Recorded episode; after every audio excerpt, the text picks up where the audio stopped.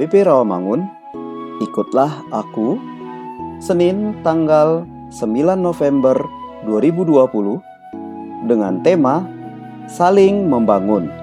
Bacaan kita pagi ini tertulis di dalam Yosua 24 ayat 25 sampai ayat 33 dan bacaan kita malam ini tertulis di dalam 1 Korintus 14 ayat 20 sampai 25.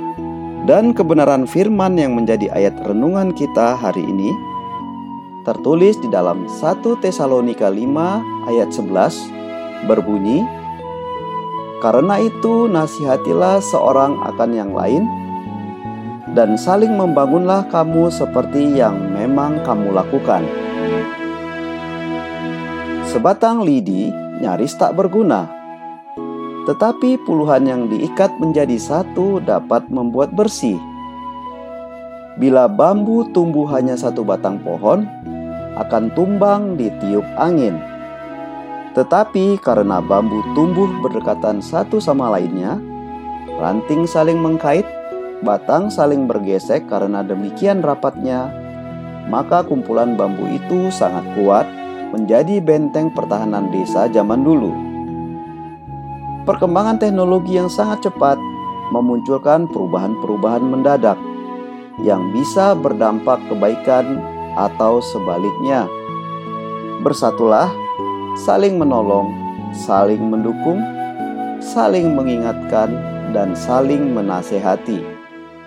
Perubahan tiba-tiba membuat terkejut, shock, bahkan bisa mencelakai.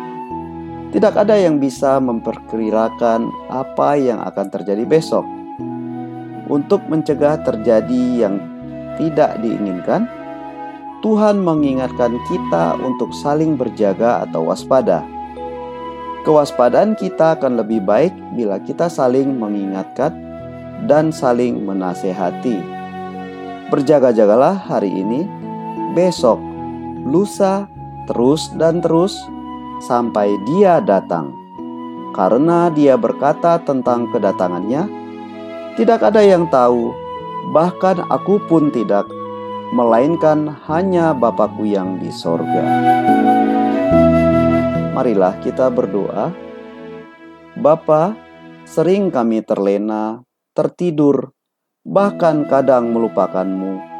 Kiranya Engkau utus Roh Kudus untuk mengingatkan agar kami saling berjaga-jaga sampai anakmu datang kembali. Amin.